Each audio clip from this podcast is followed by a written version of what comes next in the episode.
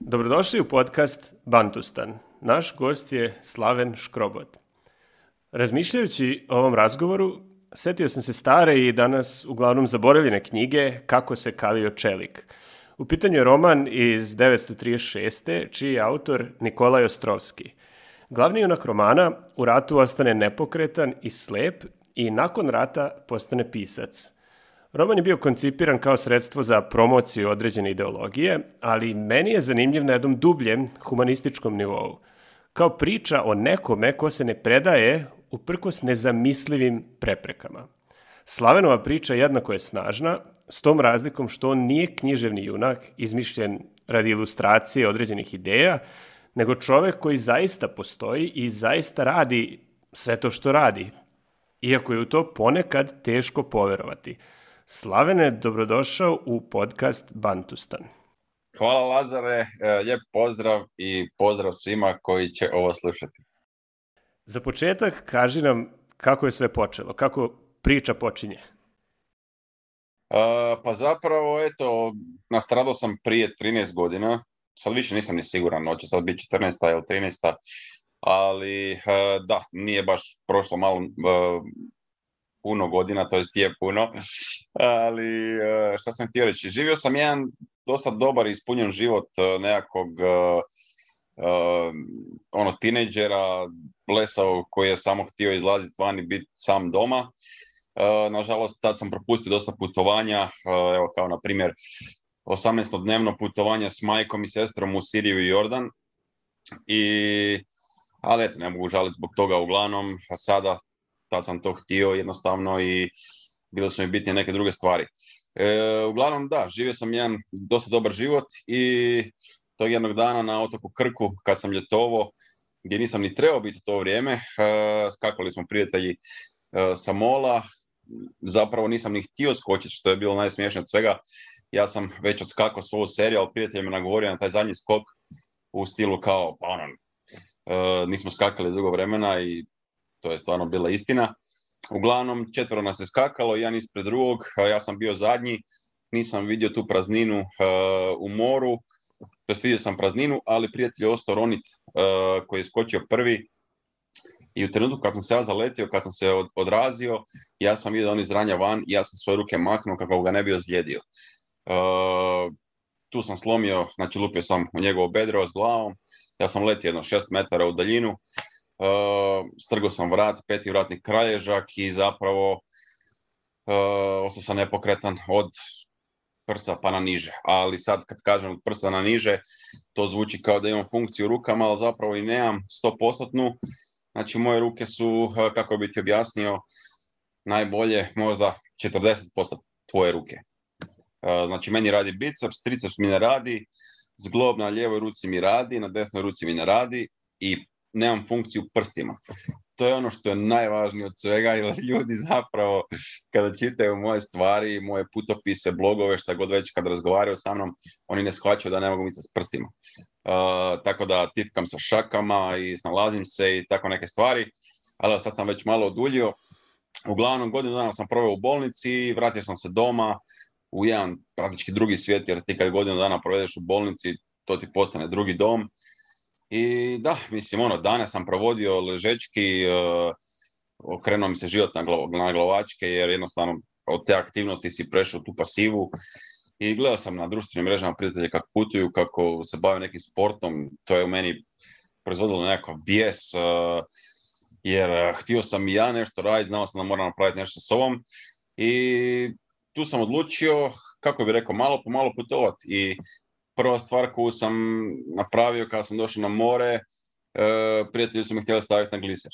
Tu je bila panika od strane roditelja i kako ćeš na gliser, opet će ti se vrat platit, strgat ćeš tako stvari. I uglavnom, nakon toga je svaki put bio nekakva stepenica više, pa sam išao na muzički festival sa prijateljem, pa sam spao u kampu, e, ne znam, pa smo išli na prvi put u Sarajevo, pa je došao prvi let avionom u Madrid. I da, kako sam rekao, stepenica više svaki put i shvatio sam zapravo da mi je ta Europa nekako dosadna i htio sam nešto više.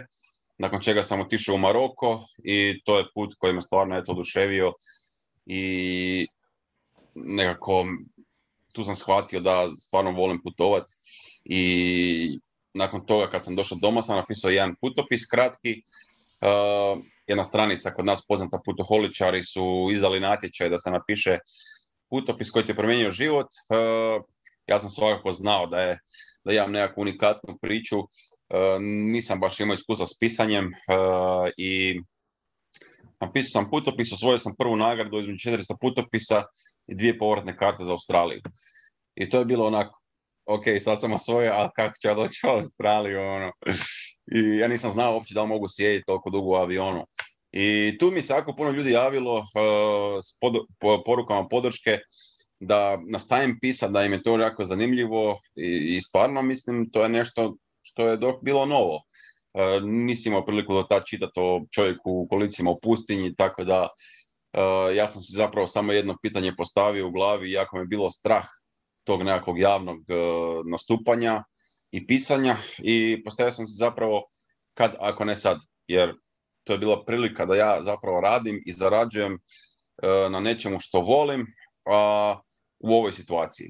Znači, to je jako teško pronaći i zapravo sam krenuo u to i eto sad pišem, putujem, e, držim predavanja, eto u planu je nekakva knjiga, svašta ima, tako da eto, nisam mogao kraći ono, odlično, super.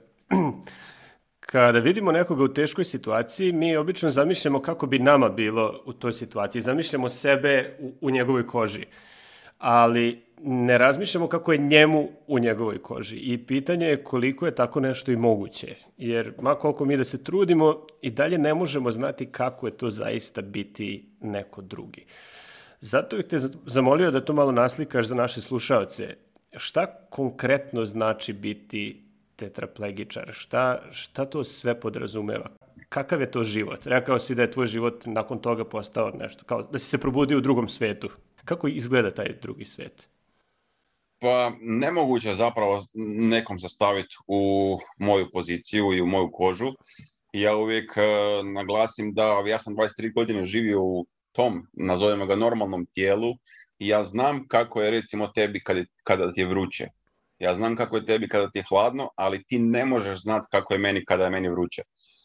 To je jednostavno nemoguće. Evo, majka koja je majka i koja najbolje zna o meni, isto nekad ne sklača, nekad mi uđe u sobu, pa ja kažem, prekinu me preko glave, pa kaže, kak ti je sad hladno, vani je 30, ono. Ali jednostavno, eto, to je, eh, ti zapravo kad nastradaš, eh, mogu to doslovno reći, dobiješ jedno sasvim novo tijelo koje trebaš naučiti koristiti. Eh, naravno, fizički ograničeno i nije to isto i rekao bi da e, život tetraplegičara je sve samo ne lagan i mislim svima nama je ujutro se ponekad teško probuditi. E, imamo loš dan, ustanemo na krivu nogu i stvarno s ovakvim životom ti stvarno trebaš htjeti se probuditi ujutro, jer to je ono procedura i stvarno svaki put kad se ustaneš iz kreveta je uspjeh. Uh, o samom mom e, znači, stanju i ozljedi Znači ja u pravilu nisam tetraplegičar. Točan naziv bi bio tetrapareza, što znači nepotpuna e, ozljeda, ali stvar je vrlo slična. Znači ja u pravilu ne mogu micat e, s nogama, s tijelom, znači imam polufunkcionalne ruke, e, ali tijelo donekle osjetim. Znači ako pričamo o paraplegičaru, znači koji je nastradao negdje u području trbuha ili kuka, znači on ispod te razine ozljede ne osjeti apsolutno ništa. Znači, imam prijatelje koji su paraplegičari, koji sjede u autu, uopće ne osjete, znači, tipa, da li boli ono guzica ili ne. Dok ja recimo s te strane imam dosta ok osjet, znači moj osjet nije isti koji tvoj naravno. Ja to pokušavam po nekim drugim znakovima osjetiti, po nekim trncima, hladnom znoju, e, naježim se, osjetim nekakvu nelagodu, počnem, mi se trzat noge. Tako da to su sve nekakvi znakovi gdje ti znaš da možda bi se trebao maknuti sa te strane. Ehm, tako da je to na neki način pozitivna strana toga svega, ali eto, meni je najsmješnije to što zapravo nemam funkcionalno tijelo, rastu mi dlake i nokti i dalje. I kažem, ono, pa ima isto pozitivno u ovom svemu, ono, kak sad dlake i nokti, ono, rastu i dalje. Ehm, ono što je problem je ne osjetim, znači, bol i ne osjetim toplinu i hladnoću, što znači da kada bi ti uzeo nož i pisao meni slova po leđima, ja bi ti vjerojatno mogao reći koje je slovo, ali mene to ništa ne bi boljelo. Tako da, e, to je dosta veliki problem jer ti zapravo stalno moraš paziti e, u položaju, da su ti jasnosti između nogu, da ti nije kad sjediš u autu naslonjena noga, negdje jer ćeš dobiti ranu. Ja sam evo sad na putu u dom šest mjeseci dobio e, ranu na kuku i vukao sam je dva i pol mjeseca. Recimo kad sam sletio u Egipat, išli smo na kvadove, zavezali su me za prijatelja i dok smo se vozili kroz pustinju, zabio mi se šarap u gležanj i to je trljalo sve dok moja sestra to nije vidjela. I mislim, ne znam kako bi uopće prošlo da ona to nije vidjela. I to su stvari, eto, ne možeš ti stalno paziti na sebe 100%, eh, eh, to je, to je naprosto nemoguće, ali pokušavaš živjeti s tim, tako da, eto, to je tijelo, još sam htio reći zapravo da nemam taj centar za termoregulaciju, što znači da eh, mi bude ili prevruće ili prehladno, nikad nemam tu neku zlatnu sredinu i nemam centar za, povrijeđen mi je centar za koordinaciju. Što znači da, to je za prostor, kako bih rekao. Što znači da ti je meni, kad mi hodamo po nekom rubu, ne znam, nekakve litice, meni je to katastrofa. Znači ja se uopće ne mogu opustiti i to je jedan poprilično užasan osjećaj i najbolje bi ti ga opisao, kada te neko stavi na rokatnicu na rub i onako te cima onako kao da ćeš past. I takav ti je meni osjećaj cijelo vrijeme i to mi je ono stvarno katastrofa. Uh, ali opet ti nekakvi rubovi, klifovi, litnice me onako užasno zanimaju i uvijek volim doći do ruba. Makar baš, sam mi to htio, baš sam to htio da kažem, imaš, imaš gomilu fotki na svojim da, društvenim mrežama gde, si na nekom neverovatnom mestu, na ivici neke provalije. Da, tako da je to ono nekako uvijek uh, ono suočavanje s nekakvim strahom i uvijek im bude ono predah kad to završim i sad smo bili evo ono, na Malti i htio sam baš ići na jedan klif, ali sestra ono ne da, nije mi htjela pustiti ona dva metra od i eto nisam mogao, ali u pravilu da imam uvijek nekakvu tu želju. E, evo tako da sam pokrio nekako tu e, svoju ozljedu, ima naravno tu o tome još za pričat, ali to je nekako onako u grubo. A što se tiče unutrašnjih organa, da li ti osjetiš recimo ako te boli stomak? Aha, znači moji unutrašnji organi su svi funkcionalni. E, znači, ako osjetim da me boli trbuh, osjetim, ali opet postavlja se pitanje kako bi ja to osjetio da recimo osjetim normalno kod ti. Znači, ja kad sam bio na Šrilanci, kad sam pojeo nekakvu ultra ljutu hranu, mislim, meni je gorila su mi prsa i osjećao sam se ono, onak poprilično loše i to sve, ne znam kako bi bilo da, da sam osjetio normalno ali eto da, e, kažem, imam taj nekakav osjećaj, osjetim tu nekakvu nelagodu i to sve, i, ali opet, pitanje. Ali recimo, ja sam znači C5, znači ja sam peti vratni kralježak, i da nas uzmeš sto koji smo peti vratni kralježak, niko nije isti. Znači ja sam recimo fizički jako slab, ali osjetilno sam dosta dobar. Znači ja osjetim praktički cijelo tijelo ali to ti je, kako bi ti opisao, eh, osjećaj koja te neko dira pod lakama. Te, teško ti je to opisati, znaš, ono, eh, meni je najbolje kad me neko pita, čekaj, kako je osjećaj kad nasjetiš ruku? onda, obično, onda obično kažem, pa ono, ko da, nema, ko da nasjetiš ruku, ne znam kako bi ti to opisao, ono. Mislim, najbliže dođe tome da kad zaspeš na ruci pa se jutro probudiš s ono totalno mrtvom rukom. A, Najbliže što ti mogu opisati tome. Da, da, da, jasno. Da. Jasno, pa mislim da si, da si dosta dobro opisao to. Mislim, barem je meni dosta jasnije. Da, mislim, u glavi možeš sve, kako bi ti rekao, imaš ideju što napraviti, kako napraviti, ali jednostavno ti tijelo to ne da. Ja kad sam bio u, toplicama na rehabilitaciji, onda sam gledao jedan video od dva kako se dodaju, dodaju s loptom, na metar daljine.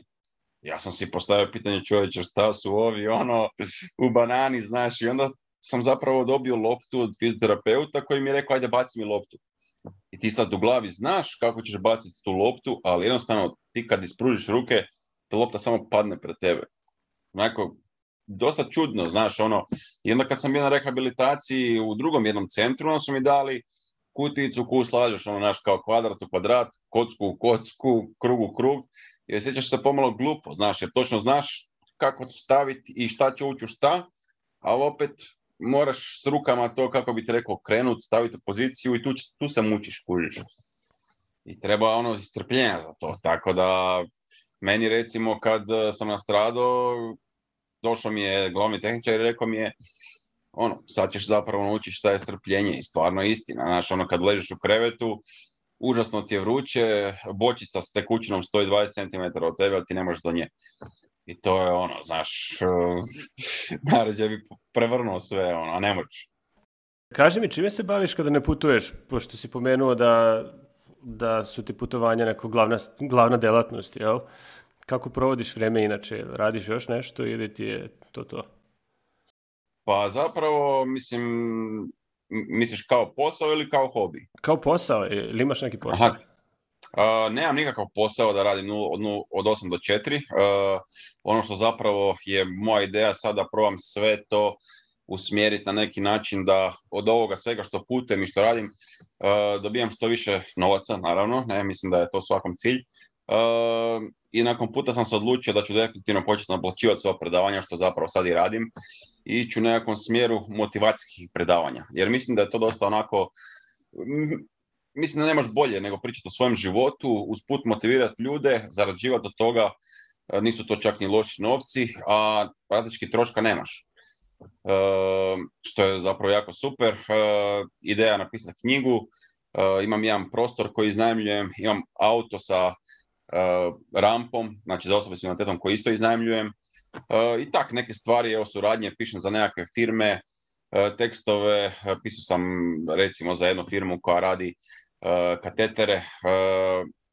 Tako da svako malo nešto uleti i kažem, zarađujem od toga ne još dovoljno da imam za život kakav sam si zamislio, ali tek sad nakon ovog puta i bicikliranja sam došao do te nekakve prepoznatljivosti gdje se zapravo ljudi sve više i više počinju jajati, Otvorili su mi se neka mnoga vrata, mislim da to samo ide sve na bolje i bolje i ideja je zapravo da radim tako jedno 5-6 stvari, a opet nisam vezan striktno za ništa i da mogu ujutro kad se probudim, ako vidim da je lijep dan, sjest na bicikl, otići na kavu. Znači, a ne da sam striktno vezan u uredu, jer ja zapravo ne mogu raditi uredski posao, jer evo, problem je prvenstveno, znači, ja ne mogu samostalno mokriti. Znači, ako se meni počne pišati ja to ne mogu izvesti sam, znači meni treba neko ko će biti ono sa mnom tamo, a to nema smisla da je neko sa mnom 8 sati dnevno na poslu, jer opet ti onda tog čovjeka moraš platiti. Pa onda moraš da zaradiš dve plate u stvari. E, to je problem, da, eh, jer zapravo eh, ja jesam putovao eh, kako bi rekao, s prijateljima, sa random ljudima, sa bivšom djevojkom, gdje su ljudi sami plaćali putovanje. Ali ja sam došao do razine sad već gdje zapravo ljudi traže nekakav već materijal, fotografije, ovo ono, i ja već znam šta očekivati, šta želim i šta trebam. I ja, e, moj cilj je zapravo doći do toga da ja gdje putujem, e, znači da sam sposoban platiti sebi i nekom drugom put i da imam za nekakve druge stvari poput znači, normalnog života koji živim u Zagrebu, da mogu staviti sa strane, izdvojiti za vježbe, e, za ortopedske pomagala i za tako neke stvari. Ne? Pomenuo si biciklo. Kako je to vozilo, kako funkcioniše i kako ti upravljaš tim biciklom? Koliko si mobilan? Šta sve može taj bicikl da uradi? Pa moraš se prevrnuti, to svakako. No to, može, to može svaki bicikl. Daj, reci mi nešto što ovaj može, a, a recimo moj ne može. Znači ovako, bicikl je zapravo hibrid, to je znači specijalni bicikl koji je prilagođen osobama s invaliditetom. Točnije, osobi s tetraplegijom ili tetraparezom ako ćemo već biti točni. E, znači, kako bi ti ga objasnio najbolje, znači zamisli motor koji si prepolovio na pola i prednji dio motora zakačiš na kolica. Znači, i dobiješ trocikl. E, znači, rekao sam da je hibrid, što znači da ima pomoć baterije. E, znači, ne mogu ja na njega samo cisnem gumić da on vozi. Znači, to ne postoji, nego ja konstantno moramo kredati rukama i on mi pomaže samo, ne?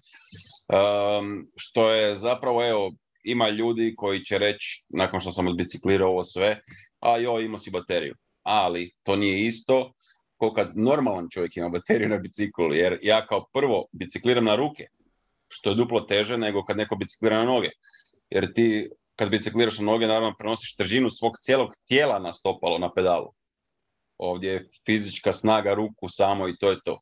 Znači, kao drugo, moje ruke su 40% normalnih ruku. A kao treće, znači, mehanički bicikl bez baterija ne mogu ni pokrenuti. Tako da ja i na ovom biciklu dajem 100% svoje snage u praktički svakom mogućem trenutku. Kako, kako upravljaš? E, teško mi je sad to objasniti jer ga ne vidiš, ne mogu ti neke stvari opisati, ali upravljam, znači imam zavezane ruke na te ručkice i kako bi to, znači ne naizmično, krećem nego u istom, kako bi to rekao, smjeru oba dvije ruke idu, ne? I ono što je problem, ja nemam funkciju tricepsu, kužiš. Tako da eh, ja imam jedan mode, imam tri moda, znači imam economy, imam tour, imam boost. Znači boost mode je zapravo taj koji meni olakšava to bicikliranje, jer ja kad dođem u poziciju, kako bi ti sad to opisao, ono, da me, da me vidiš i shvatiš, znači, zamisli da sjediš i da su ti ruke, e, znači, opuštene su ti nadlaktice, a podlaktice su ti po 90, pod kutima 90 stupnjeva na nadlakticu. Jel razumiješ što ti govorim? Da, da, apsolutno. Znači, ja u tom položaju, kad povučem, jer meni biceps radi, ja kad povučem, onda dobijem taj momentum, kužiš koji, on ga, kako bi ti rekao, šusne, i onda ja tu dobijem prazan hod od jedno pola metra, metar, znači da ja mogu okrenuti ručkice, napraviti cijeli krug, doći opet u taj položaj. Jer znači ja ne mogu micati tricepsom i meni ruke ako su gore, ja ne mogu gurnut ruke, kužiš. Da, da, onda ih gravitacija ih vraća dole i ti ih onda opet vučeš na biceps. Pa ja imam taj neki mali pokret koji je dosta lagan pa da, uz pomoć gravitacije, uz pomoć tog laganog pokreta, ja uspijem vratiti to, kužiš. Ali da bi trebao cijeli krug napraviti, ono, sa punom snagom, nemoguće. I problem je isto tako što ne mogu naglo skretati, znači ne mogu raditi oštre zavoje i velike zavoje, jer mi ručkice jednostavno ispadnu, uh, rukavice mi ispadnu iz tih ručkica i praktički ću se ubiti negdje. Eh, tako da dosta treba biti promišljen, dosta treba razmišljati unaprijed cijelo vrijeme. Znači ja uvijek kad stanem s biciklom moram stati u poziciji da su mi ruke po 90 stupnjeva. I to je dosta zeznuto jer ono, znaš, e, uvijek moraš razmišljati unaprijed, predvidjeti situacije, predvidjeti ljudi gdje će hodati, kako će stati. Evo ja živim na runu to je jezero tu u Zagrebu i mislim za vikend ima hrpa ljudi. I ono, to moraš znat, e, skužit, kužiš kad će neko stati, razmišljati o tome, znaš, i ne biti blesan. Svi se mi pripremamo za putovanja, ali u tvom slučaju ta je priprema daleko opsežnija. Iz čega se ona sastoji? Koje sve informacije moraš imati pre nego što kreneš na put? Za putovat na ovakve nekakve destinacije treba dobro sve prvo istražiti, naravno. E, znaju mene ljudi pitati kao, pa kako onda, kao ubiješ nekakvu spontanost, ali ja kažem, gledajte ljudi, onda idem improvizirati, idem spontano, se dogodi da dođem negdje, putujem autom 5, 6, 7 sati i onda dođem tamo i onda mi to bude zatvoreno ili se ne mogu gore popeti ili nešto i onda bi se ubio, ono, Tako da ne želim da mi se takve stvari dešavaju i volim jako dobro sve isplanirati, ali nažalost, e, eto recimo, ako pričamo o bookingu, e, booking jako često nema e, slike kupaone ono, slikaju ti pola boa ono, mislim, šta radim s tim. Znači, ja točno moram vidjeti kakav je WC, koliko ima stepenica, to su stvari koje ti na bookingu ne pokazuju. I onda uvijek moraš kontaktirati eh, čovjeka koji to iznajmljuje, razgovara s njim, pitat, to je ono proces koji traje. Eh, u Moskvi mi se dogodilo to da sam došao tamo, a sve je bilo accessible na bookingu. Došao sam tamo i na ulazu ispred lifta 10 stepenica. Mislim, koji je arhitekt tako nešto napravi, ono što da ti kažem, ono, znaš. I sad ono situacija, moraš doći gore u smješte, znaš, kako, će, kako ćete sad nositi. Čovjek se ponudio, pa nam je pomogao, pa jesmo nekako. Ali nekad nemaš ni to. E, recimo, kod avio kompanija, e, u pravilu kao svugdje je nekako globalno isto, ali na kraju opet nije. Recimo, u Europi ćete uvijek staviti pored prozora, jer u slučaju evakuacije ono, da ljudi te ne preskaču i da zapravo ljudi mogu pobjeći, što drugim riječima znači da ti umireš, ono. Tako da, ali recimo kad sam išao preko Emirata, onda te stave do prolaza. Kao moraš biti pored prolaza, kao ne smiješ pored prozora. Tako da svaka neka aviokompanija ima neke svoje ono šeme. E, jako puno je za zanci uvijek oko eh, te prtljage, jer recimo meni najveći problem na putovanju predstavlja banje WC-a Eh, znači imam dvije solucije. Jedna je da nosim tu dasku za WC sa jednog stolca, a druga je da nosim cijela kolica koja su napravljena za tuširanje za WC. Ali to je dodatni kofer od 20 kila. I a daska pak ne, ne stane u onaj kofer eh, koji recimo možeš furat na Ryanairu koji je onaj cabin bag od 10 kila. I onda, evo sad kad sam išao na Maltu, ja sam htio njima reći kao, dobro, dajte mi malo veći kofer, Znači, jer ti kao osoba s invaliditetom imaš pravo na uz kolica na još jedan mobility device besplatno. A mobility device ti je bicikl, štake, stolica za tuširanje, ne znam, takve neke stvari, ne? Ali, znači, ja sam, oni su meni kao rekli da mogu nositi, znači, kolica, cabin bag, ruksak eh, i još kofer 20 kilo u kojem je stola za tuširanje. A ja sam htio njima olakšati kao stvari sebi, pa nositi kolica, ruksak i jedan veći kofer u koji ću staviti sve medicinsko i, i tu dasku i robu svoju. I ne, i nisu mi dali, zakomplicirali su stvari i onda moram nositi taj stolac od 20 kila. Što je ono, užas, ne? I, i kak se zove, ali dobro, recimo, ako imam ekipu, kužiš, koja ide sa mnom, da su neki dečki koji mogu prenositi to sve. I ako putem neki duži let, to je obično ono kofer od 30 kila, i onda unutra stavim tu dasku i bok imam kofer, imam kolica, ruksak i, i to je sve što nosim. Ehm, da, 70% prtljage mi čine medicinske potrepštine. Uh, ja, znači, kako sam mi rekao ranije, ne mogu mokrit sam, znači moram fure kateter. Znači, za svako pišanje koristim jedan kateter. To ti je u pravilu pet puta dnevno, sad računa ako na put od mjesec dana, koliko ti katetera treba i samo to ti zauzme pola kofera, kužiš. Uh, tako da treba tu dosta dobro to izorganizirati. Ehm, I jednostavno to iskustvo, kužiš odlaska na te sve destinacije, ehm, stekneš iskustvo, znaš točno što trebaš nositi, uvijek s sobom nositi zakrpe, zagume, ehm, za gume, zračnice, pumpu, duct tape recimo nosim uvijek, što mi uvijek pokaže se kao super stvar. Kad imam nekakve ekstremne vrućine, koristim tu špricalicu i tak, te neke stvari od kojih, iz kojih si nešto naučio, jednostavno naučiš, ne i da sam ja imao priliku kad sam nastradao da mi neko takve stvari kaže, mislim to su savjeti koji zlata vrijede, ali nisam. Nije niko bio tak blesav tad, ne. Tako da, eto, ljudi me pitaju, dajem im nekakve svoje savjete i evo, pisao sam za tu firmu baš e, koja se bavi kateterima. Oni su htjeli da ja napišem svoje iskustvo e, s ekstremnim vrućinama. Ja kad sam njih napisao tekst, oni su meni rekli Isus se pa mi to ne možemo objaviti, to je preekstremno. I onda sam ja rekao, pa mislim, ali... kao neće više niko kupiti kateter ili šta? da, da, da, da, mislim, ono, znaš, onda sam ja rekao, pa gle, mislim, to je iskustvo u kojima će se neko kad tad naći. Ne treba to biti nužno u Egiptu ili ne znam di. Mislim, i u Hrvatskoj bude za ljeto jako vruće i meni u Hrvatskoj znalo biti jako loše od vrućine, kužiš. I u toj situaciji da osoba zna što treba raditi, da se pripremi na to unaprijed su stvari koje ja recimo nisam učio za vrijeme rehabilitacije, koje nisam znao. Jer jednostavno ja sam se susreo s tim prvi put, e, mislim da u Tanzaniji, kad sam skoro umro, ono, toplinski udar sam dobio i znaš to je ono baš čudno, čudna situacija. Pa ne znam, prvi put se susretneš na teknutim nogama, a naš i takve neke stvari. Nije bilo tad stvari o tim gdje ćeš ti googlat YouTube kao, ej, na otečene noge kod osoba s Sad tog već ima.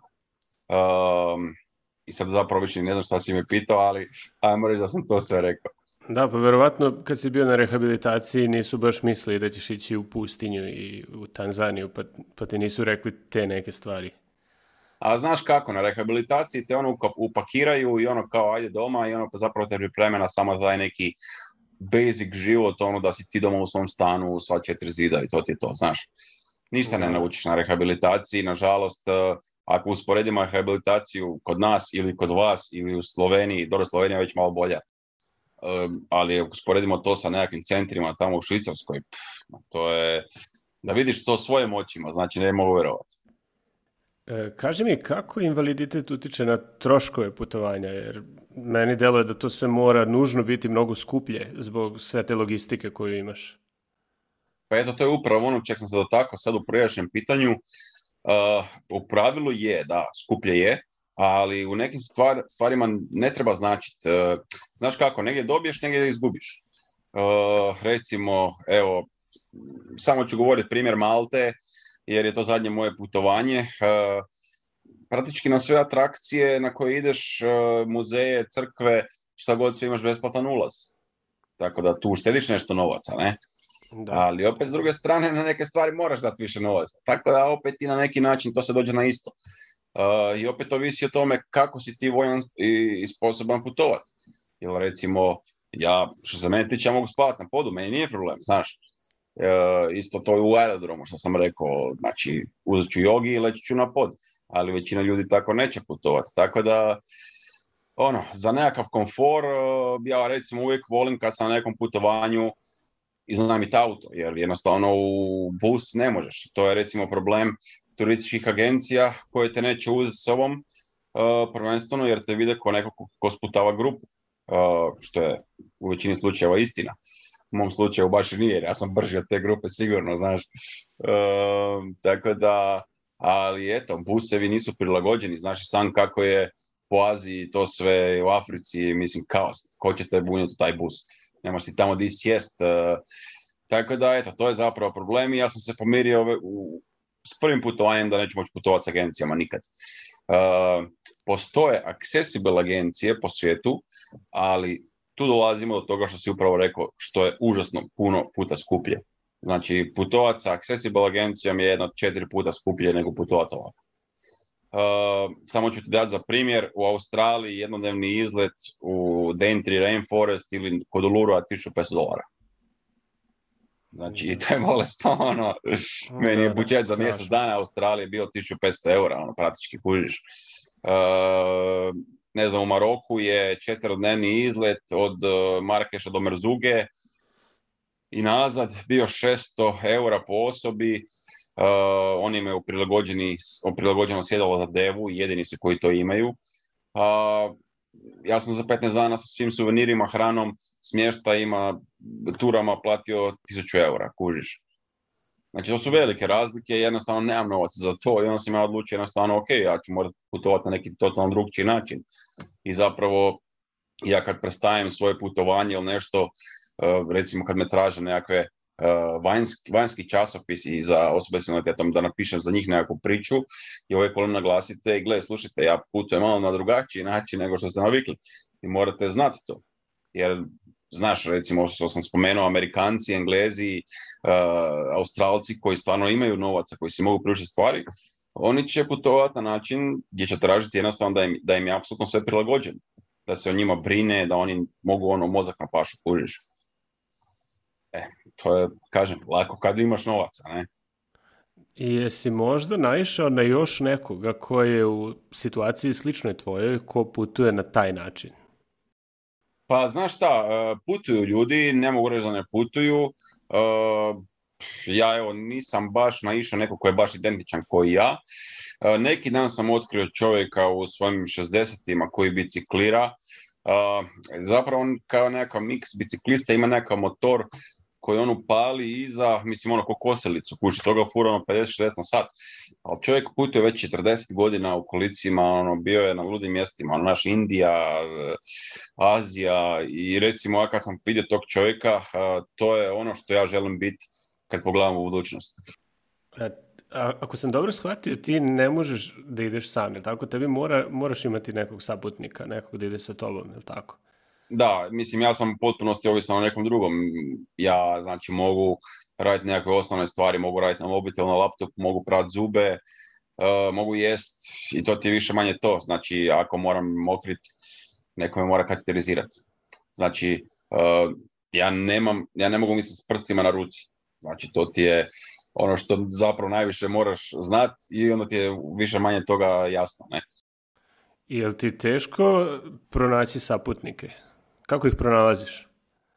Pa gle, znaš šta, sve lakše i lakše zapravo, jer e, ja kad sam nastradao, znaš, niko nije pomislio na to, i slavena ajde vodimo te ovdje.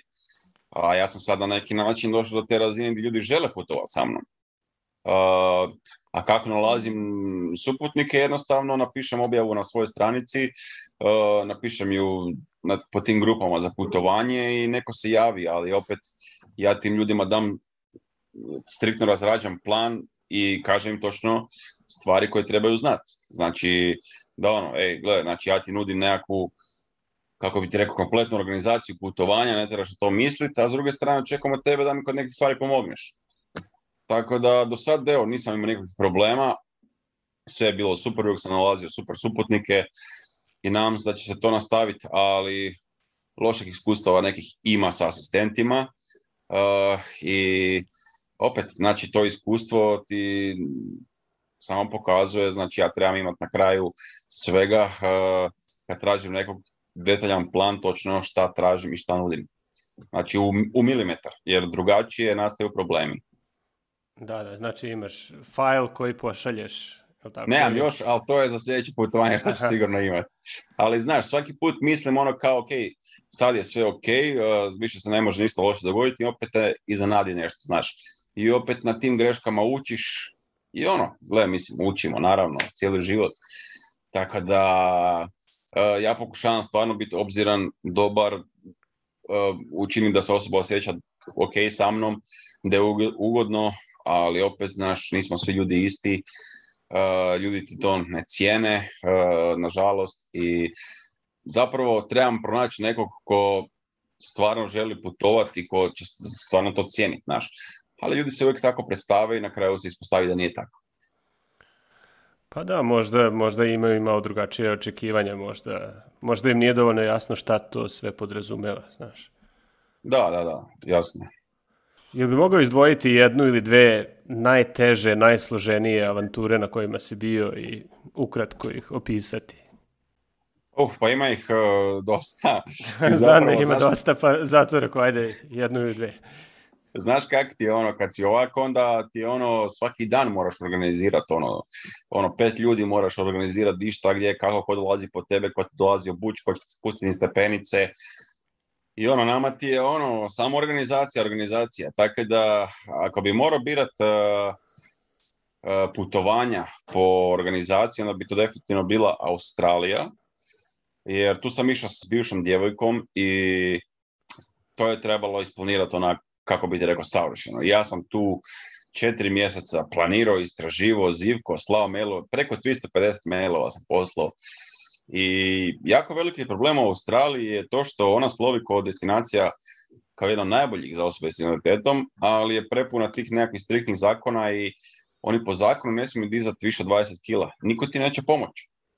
Ja nisam mogao naći nigdje izlet, ono, znaš, E, tipa ne znam, evo, Dentry Rainforest, e, svi ti busevi imaju tri stepenice. I oni ti kažu, ok, možeš s nama, ako možeš sam uz te tri stepenice. Ja govorim, ljudi, ono, ne mogu, treba mi samo neko malo pomoć Ne, ne, sorry, kao ne možemo ti pomoći. Tu je bilo dosta problema, znaš, i ja sam stvarno neke stvari htio vidjeti, ali ja sam jednostavno osoba koja kada nešto zacrta, ono, to je to, idemo, makar treba posla 500 mailova, ja ću naći nekog ko će htjeti ići. E, tako da definitivno Australija, i eto, zadnje putovanje od šest mjeseci i moj prvi projekt eh, gdje sam biciklirao od eh, Savudrije do Istanbula. To je ono definitivno najduže putovanje, najteže, sve, sve naj. koje kilometraže? Eh, pa tu je nekih 3,5 tisuće kilometara u igri. Sa biciklom, a sa kamperom oko 20. I to si sam biciklirao ili neko išao s tobom? Kako? Uh, da, pita me neki dan neko kao, e, čekaj, kao, koliko, koliko tih kilometara te kao neko guro i koliko si presjedio, onak, ne, sve sam sam biciklirao. Uh, znači, nas je sa Budri krenulo šestero, uh, jer prvi plan projekta je bio da se biciklira samo Hrvatska obala. I ja sam tu pokušavao u tom projektu skupiti 150.000 kuna da se kupe četiri posebno prilagođena bicikla za osobe s invaliditetom koje sam ja odabrao koji su se javile na taj nekakav natječaj. Mi smo dolazkom u Prevlaku skupili za jedan i pol bicikl, to je bilo nekih 1250 km, ja sam tu dodao još i neke otoke. Mi smo jednostavno, znači, e, dvije osobe, Vedrana Mateo i ja, jednostavno smo onako spontano se dogovorili, kamper smo dobili dalje na korištenje Daniela koji je fenomenalan lik i mi smo jednostavno spontano samo otišli dalje biciklirati i evo Vedrana je vozila kamper, Mateo je bio sa mnom na biciklu i zapravo najgore od svega toga što mi biciklirali kroz zimu. Ja sam osoba koja je po zimi navikla biti u svom brlogu i planirati nešto, istraživati, vježbat i pripremati se za nekako putovanje i zapravo prvi put sad nakon 13 godina to nisam imao. I ja sam grozan, imam problema s tom termoregulacijom i ja sam biciklirao cijelu zimu, to je za mene bilo ono, e, ne znam uopće kako bi to nazvao, znaš, jako, jako izazovno. Da, teško mi je, teško mi je i da zamislim. Da, mislim, ne šest znam mjeseci. Da li... Šest Da, ne znam da li si pratio taj put, ali tu je bilo stvarno svega. Ja sam tu, evo, ja ako tu nisam pet puta barem umro, onda stvarno, ono, mislim, evo, reći ću ti, najgore zapravo iskustvo uh, koje sam doživio. Kao prvo, biciklirao sam jedno 500 km bez kočnica. I tamo pred ulaskom u Grčku sam skoro poginuo zabivši se jednu stijenu na izbrdici di sam izgubio totalnu kontrolu nad biciklom. u cijeloj Grčkoj su nas konstantno napadali psi, ali u Patrasu, u Patrasu sam doživio možda jednu od najgorih stvari u životu. dva dana za redom mi se dogodilo to da nisam mogao gurat katetar u mokrašini mjehur, što znači da se prepunio mjehur i dobio sam ti dva dana za redom autonomnu disfleksiju, što ti je jedno stanje koje se dogodi kod osoba sa spinalnom ozljedom u slučaju kada nastane nekakav bol ispod razine ozljede i to je potencijalni moždani udar. Znači, meni se tlak toliko povisio, meni se tijelo treslo dva, ono, dva sata, a pa mislim, sada ti ne objašnjavam jedno jako loše iskustvo, gdje sam dva dana zaredom skoro umro, tako da, eto, nije bilo ugodno, ali ja sam nastavio biciklirati nakon toga, i makar sam mjesec i pol dana živio u apsolutnom strahu od svakog pišanja e, i, i kad me neko pita, ja pokušavam ljudima reći, evo probaj si zamisliti da te strah pišanja svakog mjesec i pol dana, ali strah za život, to je nezamislivo, ne? Da, da, još, još bicikliraš i što znači moraš piti dosta tečnosti sve vrijeme. Da, ja sam preko svake rupe kad bi prošao, mi se je užasno zgršio trbuh, e, pa onda doda na to hladnoću od ono, 0 stupnjeva, pa te pas napadne. Znaš, mislim, to toliko stresa u jednom danu, ja ti ne mogu to opisati. Onda smo ti u Turskoj ostali zateč, zatočeni nasad autoputa u snježnoj mečavi.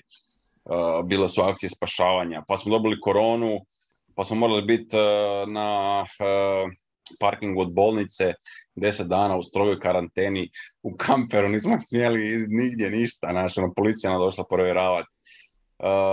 tak, pa sam pobrojio te neke rane, u Tirani sam dobio upalu uha, svega je tu bilo stvarno i to je baš ono kako bi rekao, znaš, za napisati knjigu. Ono. Nemaš kaj drugo tu razmišljati. Upravo, upravo sam to i pomislio. Jesi imao trenutak kada si mislio, ono, odustajem, idem kući, kao, dosta, dosta smo prešli, idemo nazad. Ehm, pa cilj je bio Istanbul, ono, znaš, e, kao ja sam već kad sam krenuo iz Hrvatske htio biciklirati do Atene meni je to konstantno bilo po glavi, ja sam morao doći do, Atene. A nakon Atene sam si jednostavno rekao, ok, idemo doći do Istambula, ali ništa neću forsirati. Znaš, ono, ako ću trebati otići u kamper, gle, nakon 20, 30, 50 km, ako mi dosta, dosta mi je. A do Atene sam se forsirao, išao sam glavom kroz kažem ti, gle, nakon tog što sam iskusio u Patrasu, ja sam zvao doktora koji mi je rekao, uh, iz Atene, ti se moraš vratiti u Hrvatsku. Ja sam mu rekao, ne, ne, ne, čekaj, doći će do tebe pa da mi porazgovaramo, znaš. I ja sam imao taj neki cilj i ono, ja sam to morao napraviti. Ali e, kad sam došao drugi put u Istanbul, znači kad smo se vratili, jer mi smo kad smo došli u Istanbul prvi put s biciklima, mi smo cijelu Tursku još prešli s kamperom. Cijeli ono, vanjski krug, kužiš. I onda kad smo se vratili u Istanbul, tu mi je već bilo dosta. I zapravo taj grad nisam doživio onako kako sam ga zamišljao i kako su mi ga predstavljali. Vjerojatno zato što mi je bila ono puna kapa svega. Ok, još je tu jedna stvar koju nisam naglasio, kad sam došao u Istanbul napio sam se brutalno i morao sam ono, toliko sam se napio da sam morao povraćati nasred Istanbula ono i to ti je bio show. Mene su ti držali u kolicima nagnutog, nasred, nasred ulice, ljudi su prolazili, nisu mogli vjerovati šta vide, ono, policija zaustavlja, kao are you okay? ja siguran prst u usta, mislim, show. E, tako da, e, ja sam dva dana se oporavljao nakon toga, nisam mogao on uopće jest i još je bilo hladno, puho je vjetar konstantno i onda mi je bilo dosta, znači ta rana na kuku i ono, idemo samo doma i dosta svega. Izmučili smo se za taj test isto, jer oni nemaju tu potvrdu koju, koju priznaje Europska unija i jednostavno mi je bilo dosta svega. Znaš, ja sam svaki dan biciklirao, morao bajati neke druge stvari i onda još sam se natovario to skupljanje novaca, pisao tekstove, stavio slike. Ljudi, ljudi zapravo uopće nisu imali percepciju da sam to sve ja sam radio bez funkciju prstima. I ne znam, ni ja sam iskreno kako sam to stigao, kužiš. I ono, trebalo mi jednostavno bođem doma u svoj dom, ono, u svoju sobu i da ono, ležim u svom krevetu i da gledam u strop. Mada to nisam radio jer čim sam došao doma sam samo nastavio raditi E, tako da ti ja evo, nisam se odmorio praktički još ni jedan dan kad sam se vratio. Kad si se vratio? Kad to bilo? Vratio sam se krajem drugog mjeseca. Krenuo sam početkom devetog, vratio sam se krajem drugog. Znači, još je sveže. Je, je, je. I onda, ono što ti se meni dogodilo, naravno ja nisam šest mjeseci brinuo o svom tijelu i ja kad sam došao doma, kad me fizioterapeut stavio na trbuh, ja ti nisam mogu ispružiti noge. Uopće. Znači, toliko su se jako ukočile noge i ja zapravo radim još dan danas na tome i to će biti dugotran proces gdje ja moram oporaviti svoje tijelo. Znaš, i, i otišao sam sad na tu Maltu, to je bio nekakav kao mali testić, ono, kako bih rekao, izlet lagani, znaš, ono, nakon ovog svega. I dobro je, Piše mi ne reagira tijelo na to truckanje i to sve, e, pišanje me još zna zezat tu i tamo, ali generalno ide na bolje. Ali ja imam jednu ideju novu, šta bih htio napraviti. E, htio bih biciklirati jednu malo žešću rutu, ali ništa ne želim, e, u ništa se ne želim opuštati dok nisam 100% siguran da sam zdravstveno ok, kužiš. Dobro, ima vremena. Pa, ima i nema. A i to je tačno. I to da. Dobro, da se vratimo još malo na početak. Kako je izgledalo to neposredno nakon skoka? Zamišljam da si skočio u more i probudio se u bolnici, ali verovatno to nije baš bilo tako. Kako je to bilo i, taj, ti prvi dani nakon toga ili ne znam, prvi mesec i kako, kako je to izgledalo? E sad, jesi gledao film Alien? E, da, da, da, da. Ok, znaš ona jaja iz kojih se izlježu mali elijeni? Znam. E, znači, ja kad sam ti operiran, e, ne znam da li si ikad bio zapravo operiran da si bio pod e, dugotrajnom ovom anestezijom. Ne, ne, samo neke manje operacije, ono, ne. Da, znači ti kad se probudiš imaš nekakvu mast na očima i tebi je toliko teško otvoriti oči, znači ono kapci su ti imaju svaki 500 kila on. I bio je mrak, ja te se sjećam trenutka kad sam prvi put otvorio oči i onak je sve bilo zamagljeno, eh, cijela prostorija ti je bila u, u paukovoj mreži, a na podu su ti bila ta jaja od Elijena. Evo, to ti je bio moj prvi trenutak kad sam otvorio oči, ali moraš znati da sam bio žešće nadrogirano. Znači ja sam bio na morfiju, na tramalu i ne znam šta sve nešto mi nisu dali protiv bolova. I mjesec dana sam zapravo bio u tim halucinacijama i svemu tome i ja ti nisam bio svjestan uopće da sam bio u bolnici. Smiješno je to što dan danas ja tih stvari sjećam koja su se dogodile zapravo. I meni ti je došla psihijat, psihologinja, psihijatrica, šta god već, Eh, razgovara sa mnom i sa mojom majkom i sestrom jer se brinula da ja psihički odlazim. I onda ti je ono, mi ti razgovaramo, ja ti sve odgovara normalno, ko da ti i ja sad pričamo. I ona ti mene pita, dobro Slaven, kao daj mi reci što bi ti najviše sad htio od svega. I naravno, logičan izbor, odgovor bi bio ono kao, kao poravice, šta god sve. Ali ti moraš znati da ja u toj situaciji uopće nisam znao da sam ja u bolnici, da, sam, da mi je nešto, kužiš. I ja odgovorim, novi kompjuter. I ona pogleda sestru i majku, majka i sestra se pogledaju kažu to je normalno kao. I ona mene pita, dobro, a daj ti meni reci, jel voliš ti svoju sestru? Ja kažem ne. I oni se pogledaju, kažu opet to je normalno. I ona ti sad meni kaže, dobro Slavim kao imam za tebe još samo jedno pitanje i to je to kao, znaš. ja rekao, dobro, i ona mene pita, daj ti meni reci, ja znaš ti di si ti sad? Ja onako ono mislim si šta ova žena misli da sam ja debil, naš ono, kao, pa naravno da znam di sam, kao u kampu, i ona ti meni govori kao nisi u kampu, u bolnici si. I to ti je sad Nevjerovatno. Znači, ko da tebi sad neko kaže da ti nisi tu gdje jesi, nek da si negdje drugi.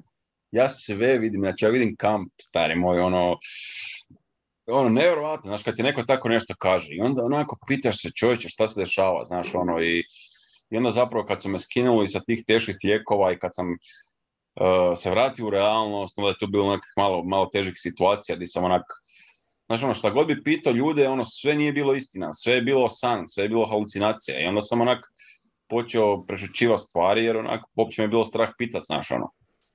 E koliko, ti je trebalo vremena da se navikneš na, na nove životne okolnosti? Ne da se navikneš, nego da ih prihvatiš.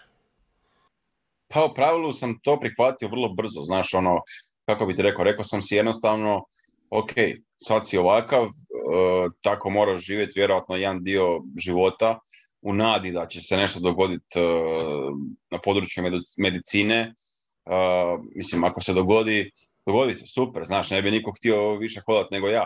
Ali opet s druge strane, ako se ne dogodi, moraš si napraviti najbolji mogući život imaš taj neki sad drugi život, iskoristi ga na najbolji mogući način i kako moj prijatelj sad kaže koji je isto u kolicima.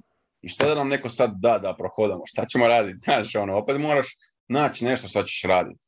Da, pa primetio sam da mnoge, ne mnoge, ali neke stvari koje radiš definitivno nisu već viđene. Ideš na neka mesta gde mislim da se niko u kolicima nikada nije popeo ili došao, tako? Pa da, mislim da definitivno najblesavija stvar koju sam napravio da sam se popeo na Pidurangalu Eh, na Šrilanki. Šrilanci, svaki put kažem krivo, ne znam uopće šta je točno. Da, to je ono definitivno najluđa stvar. I ti ne možeš zapravo na videu kada ti neko šalje uopće doživjeti koliko je teren zeznut. I ja kad sam došao, ja sam znao da je zadnjih 30 metara ono najgore. Zadnjih 30 metara ti je doslovno ono vertikala ono. I, I, tu se treba penjati, ono, doslovno po, po stijeni, i bilo je tu gdje je bilo onako metar i pol praznine litica gdje su oni morali preći sa mnom, a nosili su me ko faraona, profukli su mi dva debla kroz eh, kolica i tako su me nosili njih osmero.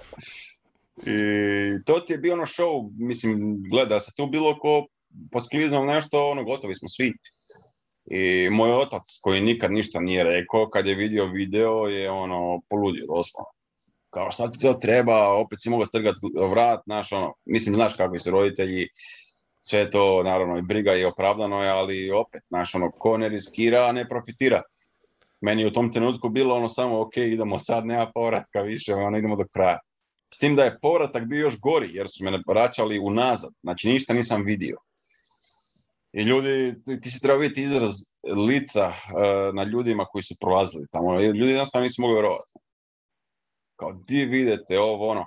recimo zadnje što sam se penio je bio Sinaj u Egiptu, ali Sina je više onako, kako bi ti rekao, maratonski uspon. Uh, nije Da, nije ekstreman, znaš, ono, hodaš, ono, lagano stazicom, ideš gore, ali traje. Ej, takav ti je recimo Kilimanjaro, znaš, ono, ništa tu nije ekstremno, osim možda visinske razlike i ajde reći hladnoće za mene, ali to nije on ekstreman uspon, znaš, on ide lagano, blago uz brdok. Tako da, našao sam posebna kolica sad koja se prodaje u Francuskoj i to bih stvarno, evo, kažem, imam svakakih ideja u glavi, htio bih osnovati neku udrugu pa da preko neke firme se uspije dobiti nekakva donacija za ta kolica. E, kolica su ti praktički zamisli sjedalo koje ima s prednje strane dvije šipke i s strane dvije šipke i u sredini ispod sjedala je jedan kotač. Što znači da niko te ne nosi fizički, nego oni te samo balansiraju i guraju te. Vuku i guraju te. Znači da s dvije osobe praktički možeš doći na jako zahtjevne vrhove bez puno truda. I sad ima čak novi model koji ima motor u sebi i to je ono, znaš, ono, idemo di god znaš. Koliko Ali košta, Koliko košta? da, baš sam to te pitao. A, košta je nekih 6000 eura, tako nešto. Ali opet, znaš, nije to sad nedostižno, nije to nešto što se ne može skupiti. Sigurno se može, ali e, evo recimo meni ti je velika, jako velika želja otići u Namibiju, ne znam jesi bio. Bio sam. E, otići u onaj tamo gdje su ona drveća osušena, ne mogu se nikad sjediti kako se zove. I ima za proći, koliko, ja znam, nekih met, kilometar i pol čiste pustinje, ne? A gurat kolica po pjesku u tom pustinskom pravom je užasno teško. recimo s tak nečim bi to bilo puno lakše puno izvedivije i moglo bi se napraviti to s dvije osobe, znaš. A ovako minimalno četiri, minimalno četiri ono ljudi koji su u kondiciji. Dobro, znači Namibija je na spisku. Super je Namibija, meni se baš svidao. O da, mislim stvarno, ono, svašta nudi, ne? Da, baš je ono nekako skroz druga planeta. Je, je, Neki prizori i pejzaži su baš nevjerojatni. Da, krajolik, znaš, ono, pa ljudi s druge strane, pa ono imaš i more, imaš i pustinju, pa imaš safari, ono, svega ima, onaj rudnik tamo, one stavljene kuće usred pustinje isto, mislim, dine su ogromne, ne znam jesu najviše zapravo na svijetu, ali najstarija pustinja, ali tako. Da, tako kažu. Vidim da si se već pripremio za, za taj put. psihički sam spreman, jesam odavno, ali treba naći ljude i znaš što ti je ono... E, ljudi zapravo imaju percepciju, znaš da ja imam u redu deset ljudi koji stoje, da ja pustim prstom i kažem idemo i da idu svi za mnom, što nije istina i zapravo za svaki put je ono stvarno truda za naći ljude, znaš ono Uh, i... E, pa pazi, teško je naći ljude i kada nemaš neke posebne potrebe, nego ono, znaš, kada se od njih ne očekuje da moraju nešto pomažu. I čak je i tada teško naći ljude. Je, vjerujem. mogu zamisliti ako još moraju i da rade neke dodatne stvari. Da, a s druge strane, opet, ono, možeš tići sam. Znaš, ti. To jeste, to jeste, da. I ja, recimo, kažem ti, ono, da mi sad neko da, da prohodam, mislim da me Hrvatska ne bi vidjela neko vrijeme, znaš, ono, Otišao bi, ne znam, negdje ono na Tibet, ono na godinu dana. Aktivan si na društvenim mrežama, imaš mnogo pratilaca, ljudi reaguju na tvoje reči i dao si gomilu intervjua za razne medije. Kakav je tvoj odnos prema tom publicitetu? Da li ti je to prijatno, neprijatno, nužno zlo, zadovoljstvo ili nešto treće?